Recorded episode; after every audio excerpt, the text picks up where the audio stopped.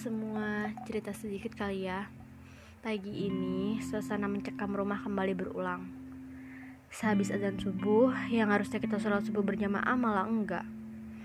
Ibu naik ke kamar nyalain lampuku sambil marah. Katanya, coba jelasin ke bapakmu itu, itu bukan siapa-siapa. Hmm, kayaknya aku tahu masalahnya. Entah mulainya dari kapan, Masalah itu selalu saja kembali ke permukaan, gak pernah ada habisnya dan gak tahu akarnya di mana. Yang satu cuma bilang, bapak gak suka. Yang satu ngotot itu cuma teman aja. 25 tahun loh menikah, masih aja ribut kayak pasangan muda.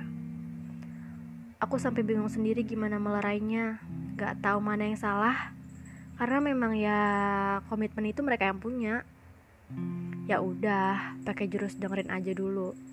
Ke bapak deh siapin sarapan, nasi, mie goreng, sama pepes ikan semalam. Nggak dimakan. Buat lagi teh manis panas dan roti. Bapak sarapan dulu kataku. Dimakan. Yes, mulailah dia ceritakan apa. Berangkatlah bapak bekerja. Ibu turun dari kamarku.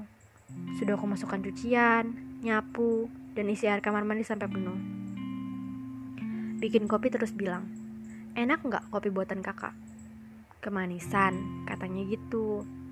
Heh, maklumlah nggak tahu takarannya. Ceritalah dia, itu teman SMP-nya, gini dan gitu. Kuncinya cuma dikomunikasikan dengan baik aja nggak sih? Dan kalau emang itu salah, minta maaf adalah langkah selanjutnya kok tiba-tiba ngerasa kayak aku lebih paham sih urusan hubungan? Ah nggak kali ya. Ini malah ngebuat aku jadi takut membangun semua sebuah hubungan. Takut ngejalaninnya juga. Dan takut akhirnya nggak bagus kayak yang udah-udah. Kayaknya aku nggak bisa belajar. Iya belajar banyak dari mereka soal hubungan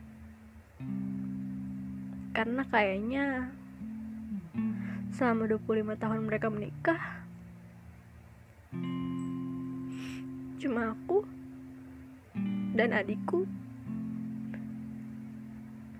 yang jadi alasan mereka bahagia nggak tahu sih masing-masingnya kayak gimana.